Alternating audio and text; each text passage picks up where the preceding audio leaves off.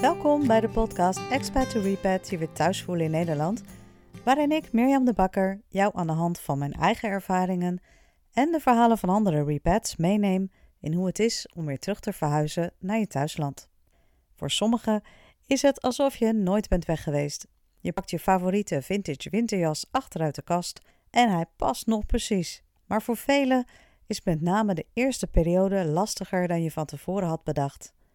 Want in de tijd dat je weg was, is Nederland veranderd, ben jij veranderd en dus voel je je misschien niet meteen weer helemaal thuis hier. Verwarrend, want je komt hier toch vandaan, dus waar ligt het dan aan? En veel belangrijker, wat kun je doen om je snel weer thuis te voelen, om je plek weer te vinden, zodat jouw terug naar Nederland reis sneller en fijner verloopt dan de mijne.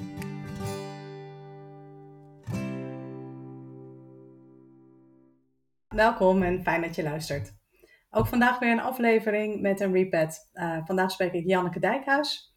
Janneke is uh, in 2010 vertrokken uit Nederland. Uh, heeft tussenstop gemaakt in Bangkok, drie jaar in Bali gezeten. Daarna digital nomad geworden, de woeste zeeën bezworen. heel mooi verhaal waar we nog heel veel over gaan, gaan horen. En uiteindelijk kwam ze terug op um, op Bali. En daar is ze ook gewoon een, een business gestart. Uh, ze heeft um, ja, eigenlijk wel een heel mooi bedrijf neergezet. En um, als je vaker luistert, dan weet je dat dat meer gebeurt. Teruggekomen, de wereld kwam tot stilstand, band COVID. Nou, dat heeft voor een heleboel mensen een shift gebracht, zo ook voor Janneke. Daar heeft ze haar innerlijke reis eigenlijk verder nog verdiept. En ze heeft daar een heel mooi boek over geschreven. Nou, dat boek dat, uh, heb ik inmiddels gelezen. Uh, en dat is voor mij zowel leuk als niet leuk, want ik weet dus nu een heleboel, maar eigenlijk weet ik ook weer drie keer niks over Janneke. Dus we gaan zo meteen Janneke zelf haar verhaal laten vertellen. Maar we zijn ook weer zoveel jaar verder en inmiddels heeft ze ook een heel mooi bedrijf opgebouwd hier in Nederland. Dus voldoende stof om over te praten. Uh, en mijn stem heb je nou alweer lang genoeg gehoord. Dus ik ga het woord geven aan Janneke. En uh, ja, welkom in mijn podcast, Janneke, sowieso. Ja, dankjewel Mirjam. Echt superleuk uh, ja, om uitgenodigd te worden en om hier uh, bij jou te mogen, ja, mijn verhaal te mogen delen. Dus dank je wel. Ja, echt superleuk. Nou ja, ik heb het heel kort verteld, maar het is natuurlijk een veel langere reis geweest dan wat ik net even aangaf. Um, we laten bij het allereerste begin beginnen. Je bent Nederlands en je woonde uh, en je werkte en je leefde en je studeerde. En op een gegeven moment dacht je, ik moet hier weg. En wat was dat moment en waarom wilde jij op dat moment weg uit Nederland? Nou, dat heeft een. Uh, de aanloop daar naartoe was dat ik een duale studie volgde uh, bij mijn toenmalige werkgever. En voor mijn afstudeerscriptie vroeg mijn werkgever: Goh, wat wil je daarvoor doen? En toen zei ik: Het maakt me niet zoveel uit als ik maar naar het buitenland mag. En ik werkte in, bij een reisorganisatie die uh, wereldwijd opereerde. Dus in die zin was dat relatief makkelijk en ze stonden er positief tegenover. En zodoende vertrok ik in 2010 voor een half jaar naar Bangkok. En uh, toen kwam ik daarvan terug. En toen kon ik het niet meer zo goed vinden op mijn werk. En ook in mijn vriendengroep uh, waren uh, dingen in ontwikkeling. Dus het was, was toen 27, 28. Dus mijn vrienden die begonnen relaties te krijgen. En sommigen gingen trouwen en de eerste kindjes kwamen. En dat deed ook iets met mijn leven. En ik had net geroken aan het vrije leven in, in Thailand destijds. En ik had zoiets van, ja, uh, jullie doen allemaal maar wat jullie willen. En uh, op mijn werk vind ik het niet meer. Ik ga ook iets anders doen. Ja. En um, nou ja, zodoende... Het moment gewoon. Het feit dat jouw leven eigenlijk nog helemaal niet toe was aan dat huisje, boompje, beestje. Ja, precies dat. Ja.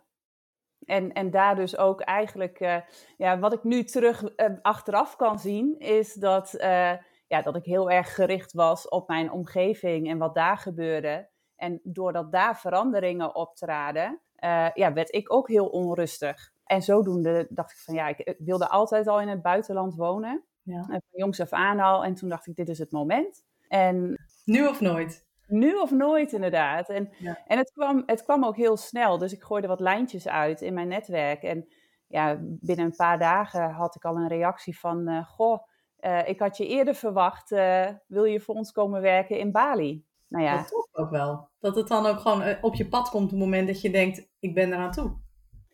Ja, ik denk ook dat het, ja, dat het leven zo werkt. En, uh, en, en dit is daar weer zo'n mooi, mooi voorbeeld van.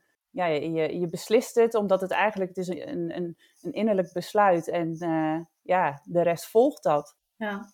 Ja, zo heb ik dat En toen ging je naar Bali. En Bali is, ik denk voor heel veel mensen een magische plek. Als je er niet geweest bent, dan vertelt iedereen erover en wil je er naartoe. ik ben er zelf, denk ik, na vijf of zes keer geweest in totaal. Uh, In een tijdsbestek van 25 jaar. Dus ik heb het ook wel heel erg zien veranderen. Ja.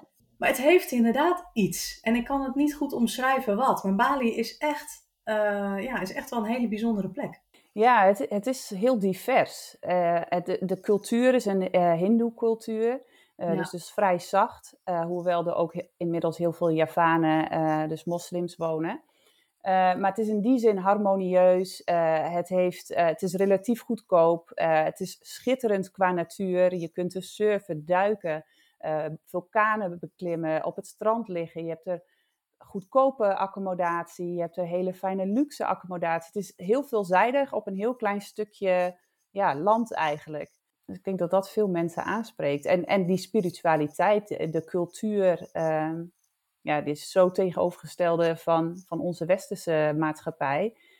Uh, dat het, ja, ik denk voor velen ook wel heel aangenaam voelt om ook eens uh, een andere kant of een, ja, een andere manier van leven te ervaren. Ja. Beviel het je dat, het leven daar? Past het je? Ja, absoluut. Ik, uh, ik heb, er zijn meerdere momenten geweest dat ik dacht van nou, dit is, dit is mijn thuis. Hier, hier ga ik niet meer vandaan. En ja, ik, ik heb daar ontzettend, ben daar ontzettend gegroeid. Ik heb mezelf ontzettend ontwikkeld. Ik heb mezelf daar ontzettend thuis gevoeld. Ik heb ook echt de taal geleerd, zodat ik ja, met, met de lokale mensen kon communiceren. Dat was ook echt wel een extra dimensie aan, aan de hele ervaring. Ja, dat geloof ik, ja. Want je gaat dan toch op een ja. ander niveau met mensen praten. Ja, ja. ja. absoluut. En ik kan me nog herinneren dat ik op vakantie ging met een vriendinnetje en naar uh, Karimun, uh, Karimunjawa en Kalimantan. Dat zijn andere Indonesische eilanden. En dat je dan echt met bosjesmannen de jungle intrekt, uh, die geen Engels ook kunnen. En dat je dan toch in het Indonesisch met ze kunt communiceren. En dat geeft zo'n andere dimensie aan de ervaring. Maar ook in het dag-tot-dag leven ja, ze waarderen het, heel erg. En connecten gaat natuurlijk nog, nog beter als mensen zien dat je moeite doet. Uh, ja, inderdaad. Het wordt gewoon heel erg gewaardeerd. Dat je uh, ja, dat je, je verdiept in, de, in, in, hun eigenlijk, in hun leven, in hun cultuur. Is er iets, uh, voordat we verder gaan naar de volgende stap? Want, oh ja, trouwens, um, we hadden het er net over, maar even voor iedereen. Dit is dus dat boek, ja? ja. Um, stel dat je hoofd je hart volgt, dus dat is ook wel een mooi thema. Dus als je alles wil weten over wat, wat je wel en niet gedaan hebt op Bali, dan, dan vind ik dat mensen gewoon dat boek moeten lezen. Ja. Um, zo, dat ook weer gezegd. maar heb je op van, van Bali, heb je daar iets geleerd, gezien, qua cultuur, qua gebruiken over jezelf, waarvan je zegt dat heb ik vast weten te houden, dat, dat draag ik nog steeds met me mee? Ja, ik denk verschillende dingen. En sommige zijn zo subtiel dat ik er misschien niet eens uh, uh, direct woorden aan, kan geven. Maar ja, ook van uh, gebruiken. Dus bijvoorbeeld, ik at vroeger altijd met mes en vork. Nou, ik eet nooit meer met een mes, altijd met lepel en vork. zoals ze dat daar doen. En Balinese die geven, als ze een hand geven, leggen ze daarna hun hand op hun hart. Dus dat, dat doe ik ook nog steeds. Dus dat zijn meer de zichtbare dingen. Maar Um, vooral um, ja, het, het, hoe zij met het leven omgaan. Dus als, je, als daar een baby geboren wordt, dan begint al, voordat die baby geboren wordt, heb je al de eerste ceremonies. En daar continu bij stilstaan. Um, dat, dat heb ik destijds, toen ik daar woonde, niet per se altijd helemaal begrepen. Ik was er wel in geïnteresseerd. Maar naarmate mijn ontwikkeling volgde, kon ik zien hoe zij uh, het belang daarvan, van het stilstaan bij die transformaties zoals mensen die doorgaan. En uh, ja, daar hebben ze in Bali heel veel aandacht voor. En dat is me wel echt heel erg bijgebleven. En uh, ja. Ja, mooi is dat eigenlijk. Hè? Ze hebben natuurlijk kleine en grote ceremonies, maar alles, alles ja. heeft gewoon een betekenis en een ritueel. Ja, ja. ja ik vind dat bijzonder. En ook ehm, de toewijding die ze daaraan hebben ehm, de straten worden gewoon plat, uh, plat gegooid, maar worden gewoon geblokkeerd als daar een ceremonie langs moet. En dat heeft altijd voorrang. Um, ja, bijzonder. Ja, en ook al die kleine, die kleine bakjes, gewoon die offertjes die elke Ja. dag met zoveel zorg ook weer worden samengesteld en neergezet. Ja, Ze zijn lief ook voor de aarde, vind ik. Ze zijn lief, eh, nou ja, misschien niet per se qua toerisme, maar wel, ehm, zeg ik dat verkeerd? Dat, dat gevoel kreeg ik altijd. Ja, Even- ik, ik, denk, ik denk te snappen wat je bedoelt. En tegelijkertijd, als je kijkt naar het afval, wat de lokale mensen vooral ook ehm, in de rivieren gooien. Als je in eh, januari, nou, vanaf december, een beetje het regenseizoen begint in november. Nou, als dan al die eh, re- regen valt en in de opgedroogde rivieren. En als dat, nou, die rivieren toenemen qua, met water, dan nou ja, in december en januari, dan, dan eindigt dat allemaal in zee. En dat is wel van lokale mensen. En in die zin, ja, de samenwerking met de natuur. Ja, het ontbreken van faciliteiten daarin ook, denk ik, door, eh, ja, door, de, door instanties.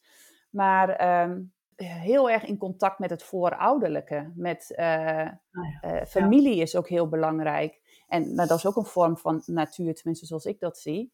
En eh, daar is heel veel aandacht voor. En, en ja, dat is wel, vind ik heel fascinerend.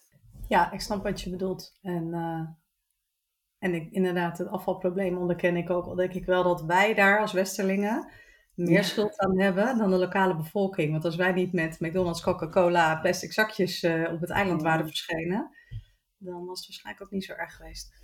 Maar goed, Eens, misschien, dat, ja. misschien dat dat ooit ook, eh, ja, ook anders kan. Ehm, Ja, wel mooi dat je dat gezien hebt, maar ook wel mooi dat je... zo- Ik vind dat heel mooi, dat handgeven en hand op je hart.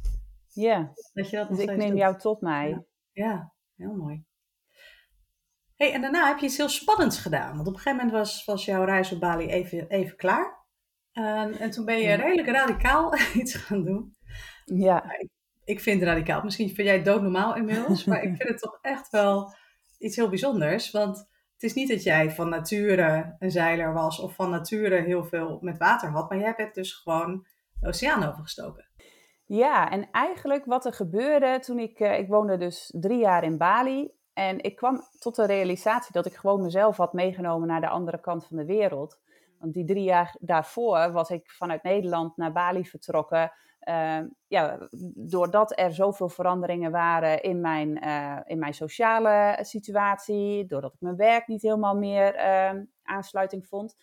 En drie jaar later ervaarde ik dat eh, in meer of mindere mate ook weer op Bali. En toen had ik zoiets van, ja, eh, wat is dit? Ik wil gewoon heel iets anders. Ik wil, ik wil gewoon tevreden zijn, want ik, ik ervaarde heel veel onvrede en onrust. En toen heb ik eigenlijk lijntjes uitgegooid. Eh, ik wilde wel yoga-teacher worden, in, in, eh, een opleiding doen in India, of Spaans leren in Zuid-Amerika. En geïnspireerd door een vriendin van een vriendin heb ik me ook op, eh, aangemeld voor crewing websites, voor, voor zeilers. En ik had zoiets van, nou, ik zie wel wat mijn kant op komt. En toen kwam dat zelfverhaal, kwam mijn kant op. Dus ja, dat was voor mij toen een no-brainer. Ja, dat was net als toen ik het aanbod kreeg om naar Bali te gaan. Van ja, oké, dat is het, dat ga ik doen. En wel met de gedachte van, oké, dan ehm, heb je ook tijd om, om eh, naar binnen te keren en om uit te vinden van hoe dat dan werkt voor jou en wat je dan verder wil.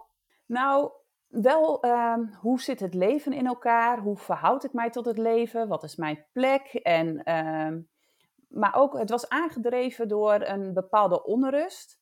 En ehm, ik heb, naar mijn, eh, de Indische Oceaan ben ik toen overgezeild. En dat heb ik wel echt als een eh, vrijbreken, eh, of een uitbraak, of ja, ervaren. Als het loskomen van. En daar was ik wel echt naar op zoek. Naar een ik, ik zag op Bali, want op Bali komen zoveel mensen voorbij.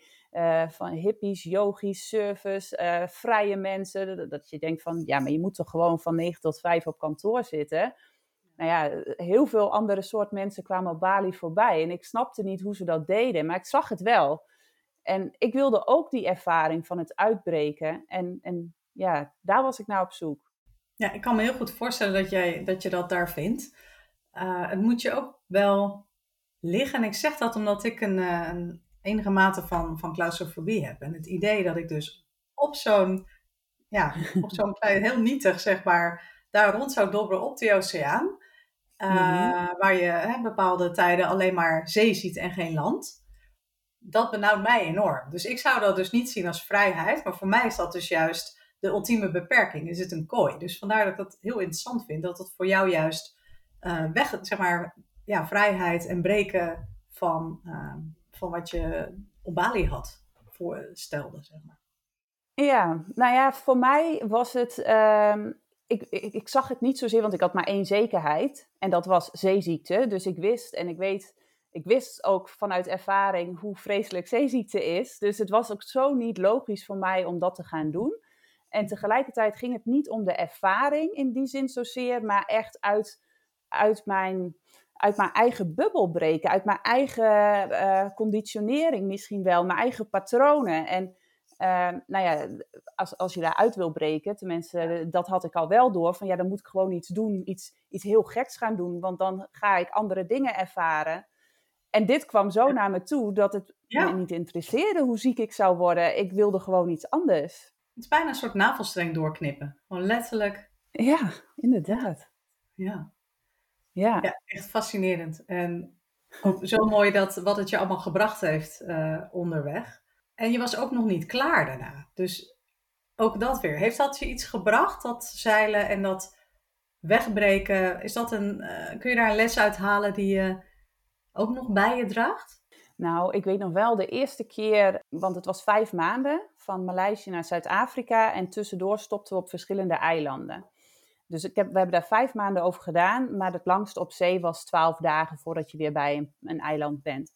En die eerste keer dat ik dus uh, twaalf dagen op zee, uh, op zee gezeten heb en weer land zag, ja, dat was gewoon zo'n bevrijdend gevoel. Zo'n gevoel van vrijheid en zo'n innerlijk, uh, ja, innerlijk weten, een bevestiging. Een bevestiging dat het ook anders kan. Of dat, dat, ik, dat ik die vrijheid heb om het zelf uit te vinden. En dat is voor mij die vijf maanden iedere keer, keer op keer geweest. Het was niet altijd regenbogen en, uh, en eenhoorns hoor, maar het was wel uh, continu kloppend met: oké, ik kan dit leven zelf creëren. Of ik heb daar zelf, uh, ja, ben ik de bepalende persoon daarin. En, ehm, en hoe mijn leven gaat, voor een groot deel natuurlijk. Maar ja, dat is wel mijn grootste les geweest uit, uh, uit die vijf maanden. En daar heb je en zelf dat was ook voor... toestemming voor gegeven. Ja, inderdaad. En daarvoor moest ik dus wel echt iets heel geks doen. Iets voor mij heel geks doen. Uh, En dat was dus zo, uh, ja. zo'n avontuur aangaan. Ja, nou, ik blijf zeggen, het is, het is best bijzonder. Ik, bedoel, ik denk niet dat heel veel mensen uh, zomaar zo'n keuze zouden maken. Of daar in ieder geval misschien dan, weet ik het, een half jaar zich op gaan voorbereiden. Of, het, het, is wel redelijk out of the box. Maar daarom vind ik het wel heel vet dat je dat gewoon gedaan hebt. Um, en ik denk dat, ja. dat je ook wel een, een, ja, een bevestiging geeft van, ik kan dus ook gewoon alles als, als ik wil. Ja. En het voelt goed, dan kan ik dat dus ook gewoon. Dus ja. Dus dat geeft ook een hele boost, boost denk ik, aan je, aan je zelfvertrouwen. Zo, nou ja. Nou, absoluut, absoluut. En, en uh, ik kan nu ook zien dat het een, een, hele ongewone keuze is voor de meeste mensen destijds. En dat, ja, ik ervaar dat vaak zo. Met als het me, het is mijn leven en het is voor mij een soort van vanzelfsprekend. En dat geldt, ja. dat is dan mijn aanname, dat dat voor iedereen zo geldt.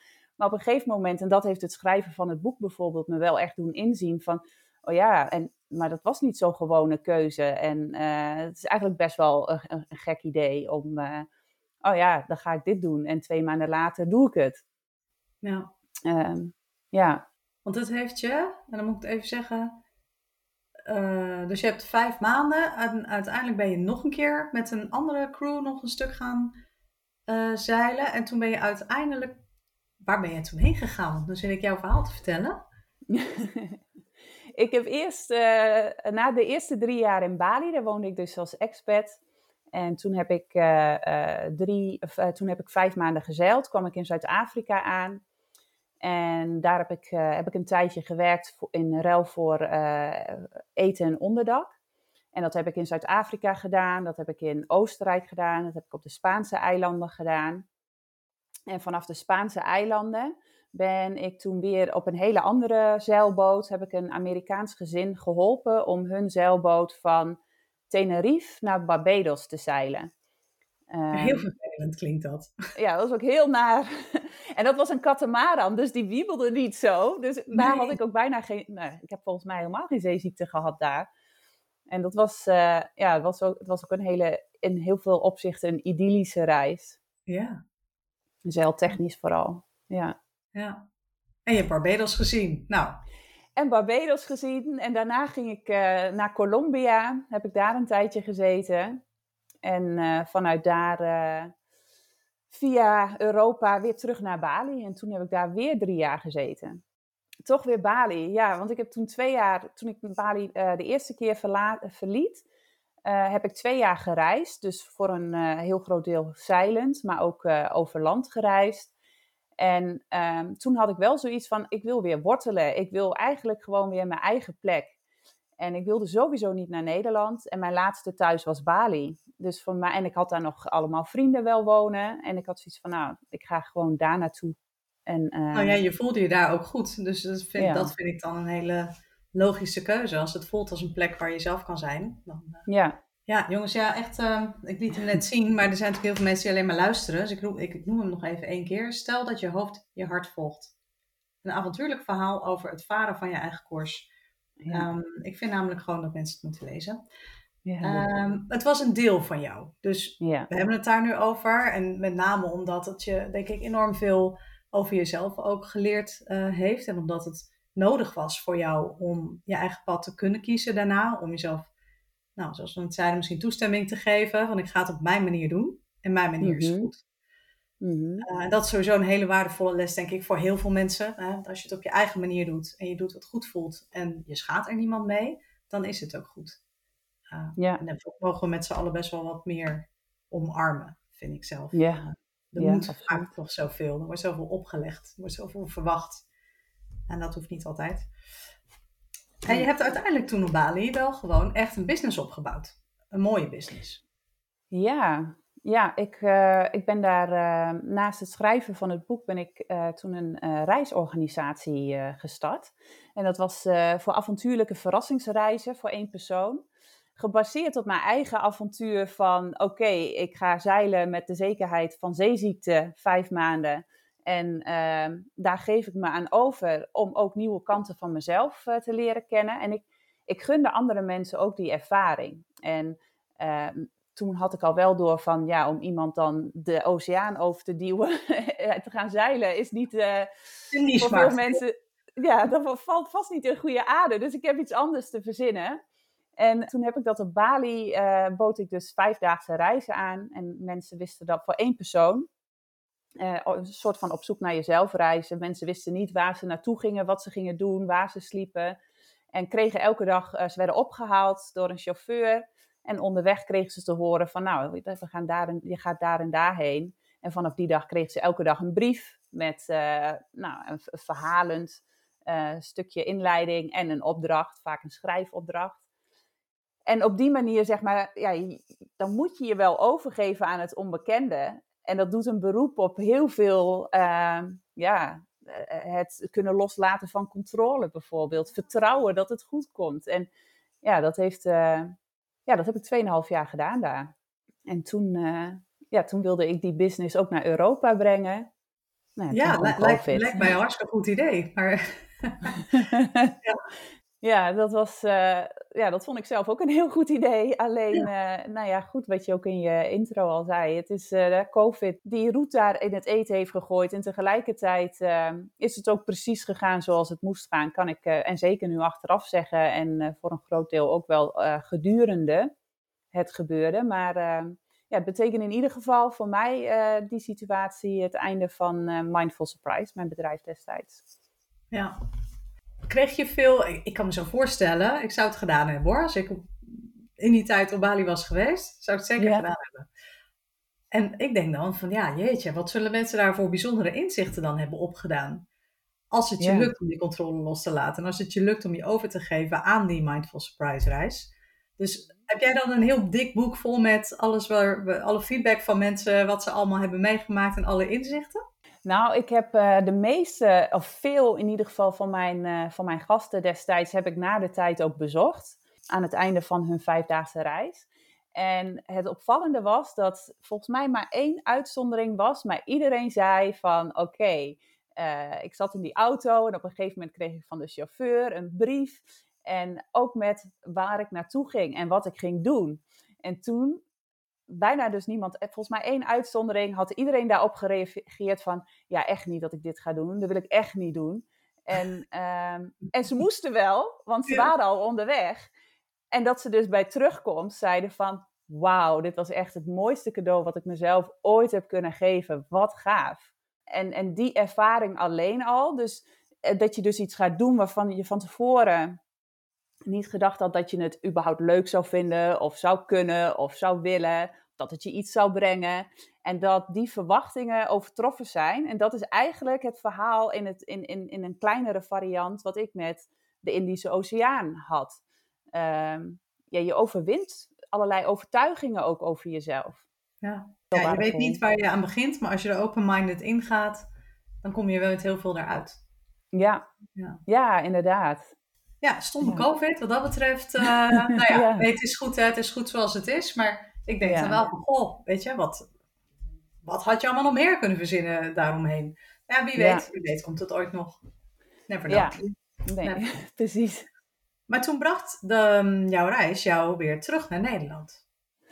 Ja, ja, ik kwam op 1 april 2020 in Nederland, uh, volgens planning. Want uh, ik had na een tweede, uh, tweede keer drie jaar Bali, had ik wel zoiets van, ik wil graag dichter bij mijn familie wonen. Mijn broer was toen ook, ik had een neefje, was vader geworden, dus ik wilde graag daar meer betrokken bij zijn. En, maar niet in Nederland, dat was niet mijn idee. Ik wilde naar Zuid-Europa. En ik had mijn samenwerkingspartners, ik had uh, mijn geschiedenis of mijn historie op Bali, dat ik daar kwam, was ook in het toerisme. Dus ik had mijn netwerk daar. En ik had een partner daar die uh, de reizen uitvoerde. Dus dat kon gewoon door blijven lopen. En ik wilde dus bestemmingen in Europa daaraan toevoegen. En mezelf ook uh, bezen in Zuid-Europa. Dus ik had al mijn spullen op Bali had ik ook al verkocht of weggedaan. Mijn ticket stond geboekt. En goed, ja, dan kom je eh, sowieso naar Nederland eerst om familie en vrienden te bezoeken. Maar ja, dan kom je in lockdowns in Nederland. En ehm, ik had zoiets van, ja, op, op, om vanuit deze positie naar een, een land of een eiland te gaan. Griekenland had ik op mijn vizier, waar ik de taal niet spreek, waar ik geen sociaal netwerk heb. Ja, het leek me gewoon niet prettig om, het, uh, ja, om dan een nieuw leven op te gaan bouwen. Nee, je moet wel dus connecties kunnen maken als je ergens komt. Precies, ja. ja. Dus dat maakte dat ik uh, dacht van, nou dan blijf ik de zomer in Nederland, dan ga ik na de zomer weer verder. En toen zaten we nog steeds in een lockdown en toen dacht ik, oh dan blijf ik in winter en dan ga ik daarna weer verder. Nou ja, en toen gebeurden er allerlei dingen.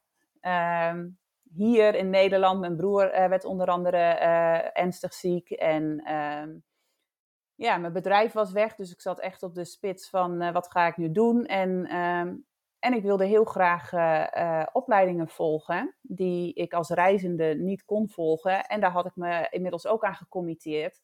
En dat was eigenlijk een heel geleidelijk proces. Van oké, nou dan blijf ik voorlopig in Nederland. In ieder geval nog een jaar. Ja, ja dat, is mooi. Erin. Niet meer te zeggen van ik blijf voor altijd in Nederland. Je kan het gewoon per jaar bekijken. Dat is dan, dan wel weer fijn natuurlijk. Ja. Um, maar, want je ging natuurlijk ooit weg, omdat er nou, dingen waren waarvan je dacht van ik wil nu niet in Nederland zijn. Je bent tussendoor natuurlijk wel een aantal keer terug geweest. Dat heeft toen nooit bij jou teweeg gebracht dat je dacht van yes, ik ga me hier settelen. Hè? Niet. Maar nu wel. Wat, wat is er dan, wat was er dit keer anders waardoor het je wel lukte om, uh, om je plek in Nederland te vinden? Nou, het is, uh, ik heb me sowieso niet verzet tegen het in Nederland zijn. Het was inderdaad wat ik zojuist zei van, nou ja, oh, er blijft de zomer, er blijft nog een winter, oh, er blijft nog een jaar. En op een gegeven moment ben ik dus een uh, systemische opleiding uh, gaan volgen. En ehm, nou, daarin kwam ik mijn eigen ontworteldheid tegen. En die onrust die de aanjager was wel van heel veel avonturen. Ehm, die ik daar aan ging kijken. En, en ja, eigenlijk was het een soort van als vanzelf dat ik daardoor zelf meer tot rust kwam. En uh, mezelf steeds meer geworteld voelde. En na 2,5 jaar hier uh, in Nederland nomadisch te zijn geweest, toen kreeg ik een, een woonplek aangeboden. En dat was gewoon de perfecte plek waar ik nu nog steeds uh, zit.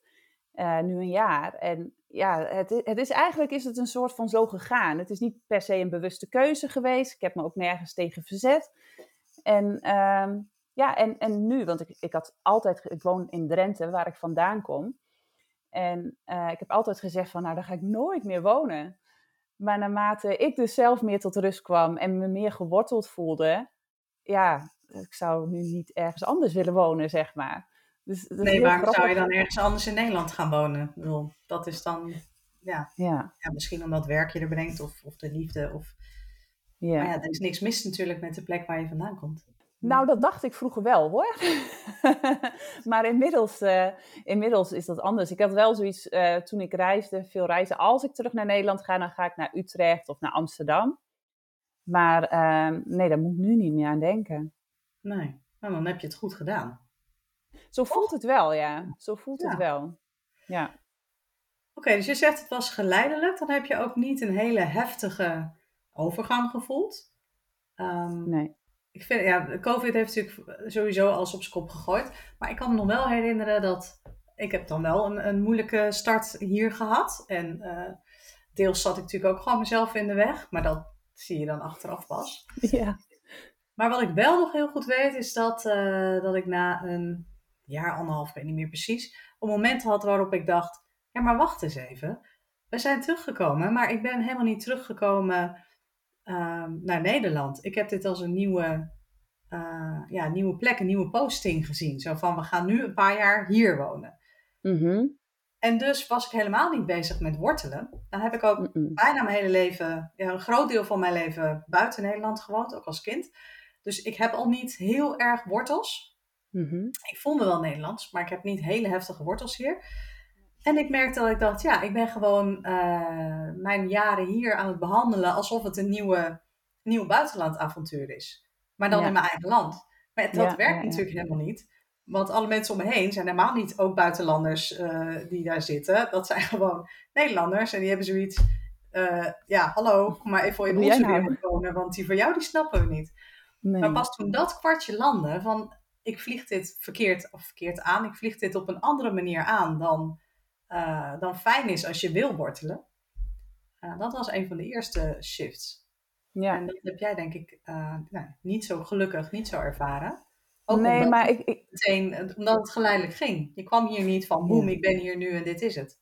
Nee, nou dat inderdaad. Maar het was ook zo in die lockdowns dat je gewoon heel geïsoleerd uh, was en veel online gebeurde. En uh, hoewel ik me in Bali niet geïsoleerd voelde, was mijn werk ook voor een deel online. En uh, ik had wel sociale contacten ook. Nou, en hier kon je ook nog wel met een vriendin wandelen of iets dergelijks. Maar uh, pas nadat alle lockdowns over waren, nou even uit mijn hoofd, dat heeft twee jaar geduurd geloof ik. ja, dat veel te langer niet wel. Ja, maar dat je dan, dat ik me echt voelde van nee, hier Nederland, dit, hier blijf ik voorlopig. En, uh, en eigenlijk alles was weer open. Het was een soort van business as usual op veel, uh, op veel fronten. Dat ik wel doorkreeg van, oh, oké. Dus ik, ik ging het wel merken hoor, van dat hele sociale aspect. Uh, ja, vrienden van vroeger, uh, die zijn natuurlijk ook gewoon doorgegaan met hun leven. Die hebben gezin, gezinnetjes en ja, daar sta ik nog steeds niet in, in, op die fase van mijn leven. Dus ja, ik, ik moest wel echt op zoek van, of op zoek, ik stond wel, moest me wel openstellen voor ehm, ja, mensen die op dat moment in mijn leven pasten. En dat is wel, dat besef dat kwam pas ongeveer dat, nadat ik twee jaar in Nederland was. En besefte, oké, hier ga ik voorlopig blijven. Dus ik heb het zeker gehad. Ehm, maar veel later, eigenlijk pas twee jaar nadat ik terug was in, in Nederland, dat ik echt dacht van, oh, dit, dit is een heel, uh, het remigreren proces, uh, heb ik wel eens ergens over gelezen dat, dat onderga ik nu pas. Uh, en wat dat dan met je doet en wat je daarin tegenkomt. Dat je ja, de aansluiting bij heel veel wat vroeger wel paste, niet meer past. Uh, maar ook de plekjes waar je, waar je graag uh, naartoe gaat en de dingen die je doet. Um, toen merkte ik van, oh, Drenthe was voor mij heel vanzelfsprekend. in het weekend gaan we naar, naar de kroeg en, of zitten we bij iemand thuis iets gezelligs te doen. En nou, ook Bali is het sociale leven, is wat dat betreft, heb, tenminste zoals ik het ervaren heb, was heel anders. En ehm, ja, ik vond dat wel weer lastig om, uh, om een draai hier te vinden. In ja, hoe in deze getransformeerde versie van mezelf ga ik mij weer in de oude omgeving bewegen. Ja, zonder dat je dat getransformeerde deel van jezelf verliest. Want dat heb je niet voor niks. Precies. Ja. Nee, precies dat. Ja. Ja, ik merk dat het wat dat betreft uh, altijd heel fijn is om, uh, om met andere repads in contact te komen. Omdat je elkaar heel snel mm. begrijpt zonder uh, dat hoeven uitleggen. En dat is ja. niet ten nadele van mensen die dat niet hebben meegemaakt. Nee. Maar zoals met alles in het leven. mensen die hetzelfde hebben meegemaakt als jij, ook al was dat op een, een ander land daar praat je makkelijker mee. En soms vind ik dat gewoon even heel lekker. Dat dat, dat deel van mezelf er ook mag zijn. En ja. het volgende moment uh, ja, haal ik mijn oude Nederlandse deel weer, weer naar boven. Maar hoe langer ik hier nu ben, dat ontwikkelt zich natuurlijk ook weer. Ja, je inderdaad. Je, je, je, raakt weer bij met hoe het allemaal is. En ja, je blijft met z'n allen natuurlijk altijd doorontwikkelen. Ja. Dus ik vind het wel mooi dat hoe langer ik hier ben, hoe langer ik hier ook denk te blijven. Want ik heb nooit ergens okay. langer dan vijf jaar gewoond. Oh, wauw. hier nu zes jaar. Wauw. Ik had even een, een soort midlife crisis momentje dat ik dacht, oh, zo lang? Nou, dat is ja. voor anderen, die heb je het over? Het ja. niks. En voor mij was dat echt lang. En moest ik echt ja. mezelf eroverheen zetten over het gevoel van onrust. Van, oh, maar nou moet ik weer ergens anders naartoe. Nee, dat hoeft mm -hmm. dus niet.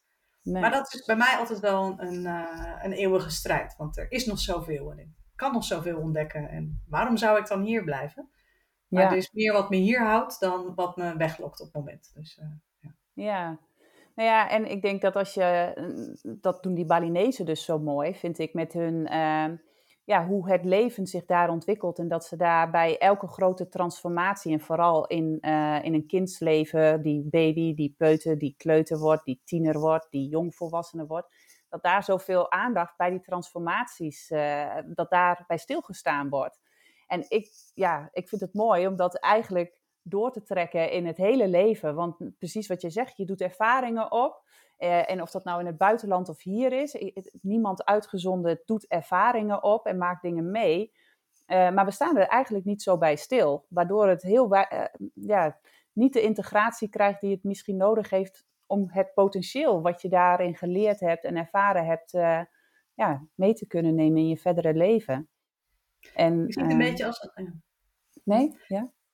Ik zie het een beetje als een, als een treinreis. Hè? Je, je bent onderweg en je weet, ik ga naar een mooie bestemming, ik moet genieten van de reis.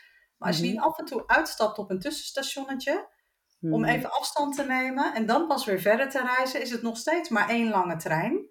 En wordt ja. het één brei aan ervaringen. En af en toe moet je even stoppen ja. om dat stukje te verwerken voordat je uh, de volgende weer pakt. En ook vooral te genieten. Want wat ik zelf dus heel erg merkte, ik ben dus ongeveer zo'n tien jaar weg geweest. Maar uh, en toen ik als expert die drie jaar in Bali woonde, had ik gewoon een verblijfsvergunning en dacht ik niet na over vertrekken. Uh, maar in de jaren daarna, ik was altijd bezig met vertrekken en aankomen. Want je, komt, je, je vertrekt en je bent bezig met oké, uh, visa, hoe lang zijn die geldig? Uh, accommodatie, hoe lang kan ik daar blijven? waar wil ik nog meer naartoe? Dus elke keer als ik aankwam, was ik al bezig met vertrekken. En dat doet ook iets met de mate waarin je ergens van kunt genieten. Um, tenminste, ligt ook een beetje aan hoe bewust je daarmee omgaat. En destijds ging ik daar helemaal niet bewust mee om. Dus was het altijd een soort van: hey, ik ben er. Oh, hey, ik moet me ook voorbereiden op het vertrek. Ook al is dat over vier, vijf maanden. Maar ja, dat, uh, je staat er niet zo bij stil. Nee. Ja. En om even een bruggetje uh, te leggen, want jij bent uh, systemische opleiding gaan doen. Mm-hmm. En daar, ben je, daar heb je ook iets mee gedaan. Toch? Dat is waar je nu ook je, je werk omheen hebt, hebt gebouwd. Dus wat, wat heeft dat uiteindelijk, wat is uiteindelijk het eindresultaat geweest van je opleiding en je innerlijke reis, um, je terugkeer naar Nederland? Dat komt allemaal samen, denk ik, in, in wat je gekozen hebt om te doen nu als werk.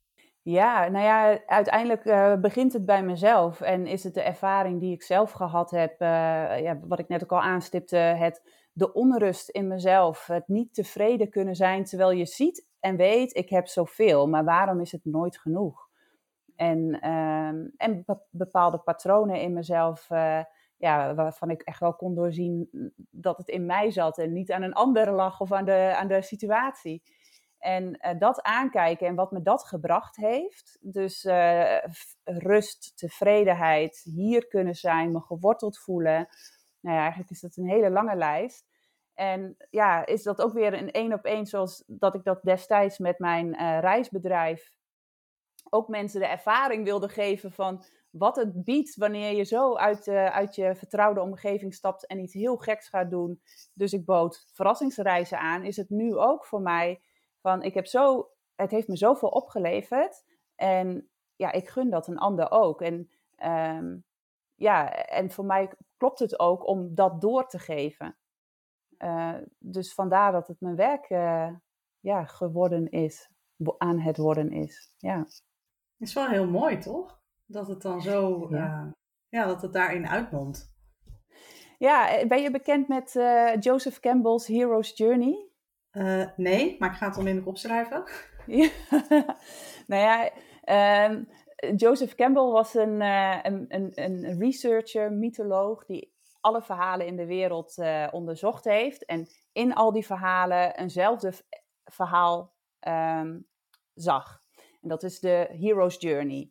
En dat is uh, elk goed verteld verhaal in de wereld. Uh, alle Hollywood-films, boeken, als je het hebt over Harry Potter, Game of Thrones, Star Trek, alles gaat volgens die Hero's Journey.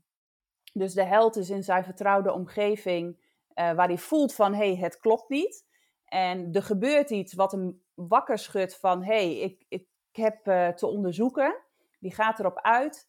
Uh, nou, dan zijn er mensen, mentoren die die, die die held gaan helpen in, deze, in, dit nieuwe, in dit onbekende stuk. En nou, uiteraard zijn daar ook draken die verslagen moeten worden. En vaak zijn dat de draken van je eigen overtuigingen waar je doorheen moet. Maar op een gegeven moment ga je een selectiedrempel over en kom je in een nieuwe wereld. En uh, daar is de taal is anders en uh, daar, zijn de gebruiken anders, daar leven mensen anders. En daar word je dus uh, getest ook in die nieuwe wereld. En je krijgt sowieso ook een keer een crisis met van waar ben ik aan begonnen en waarom doe ik dit? En op een gegeven moment ga je daarin door en dan kom je terug in je oude wereld, maar als een getransformeerd persoon. En nou ja, als je de Hero's Journey echt helemaal uh, uh, rond wil maken op een, op een goede manier, is dat, dat de held dan terug gaat geven aan de gemeenschap. De lessen en inzichten die hij op zijn heldenreis heeft verzameld.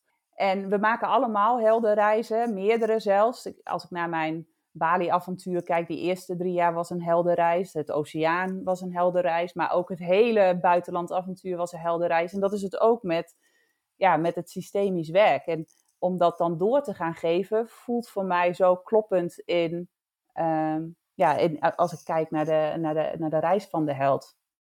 Het voelt alsof, alsof ik dat te doen heb of zo. Nou, dat leg je heel mooi uit. Ja, ja, ja, serieus. En ja, dan heb jij uh, in jouw rugzak een schat aan ervaringen die je kunnen helpen om, uh, om een ander te helpen. Precies, ja. Ja. ja. Als mensen jou uh, willen vinden, hè, omdat ze dit horen en denken, daar wil ik wel, uh, wel meer van weten. Mm -hmm. Waar kunnen mensen jou vinden? Ze hoeft niet bij um, te komen. Uh, ja. Hier ben ik. um, ja, ja, ik denk mijn website, daar staat veel op. Dat is jannekedijkhuis.com. Um, en op Instagram, ja, ik ben soms actief, soms niet zo actief, maar daar kun je ook van alles vinden. Uh, dat is ook Janneke Dijkhuis. Uh, nou, dat is niet zo ingewikkeld. Dat moeten mensen nee. wel onthouden, toch? ja, inderdaad. Dus dat zijn de twee plekken online waar je, waar je het meest over mij kunt vinden. En over mijn werk of over mijn avonturen. Ja, ja leuk. Leuk. Nou, um, lieve luisteraars, als je hier nog bent, dan uh, ben je net als ik helemaal in de ban van het verhaal van Janneke. Ja. En dan ga je haar dus even opzoeken. Uh, want wie weet is dat wel wat jou te doen staat op dit moment. Dat, uh, dat, voelen, dat voel je vanzelf, denk ik. Als die energie goed is. En dat je denkt, hier, uh, hier is voor mij, ja, dit is voor mij een stap. Dan ga je naar jannekedijkhuis.com. Dat ja. kunnen we bij deze dan afspreken. Um, ik vind, ja, ik vind het heel tof dat jij op mijn pad gekomen bent. Ja, likewise. En ik vind je verhaal, verhaal heel mooi en ik ben blij dat je het uh, op deze manier hebt willen delen met ons. Mm -hmm. Nou, heel graag gedaan. Ja, en ik heb Ja. er eigenlijk niet zoveel aan toe te voegen. Ik denk dat je het eh, heel mooi hebt, eh, hebt afgerond zo zelf. Alright, dankjewel voor deze mooie ervaring. Ja, nou, dat was maar genoeg. Ja. Dus ja, mensen, ehm, dat was hem weer. En Janneke weet je waar je die nu kunt vinden. Ehm, voor mij is het heel fijn als je wil abonneren op deze podcast. En hem door wil geven aan andere repads of mensen waarvan je denkt die moeten het verhaal van, eh, van Janneke horen. En dan, ehm, ja, tot de volgende.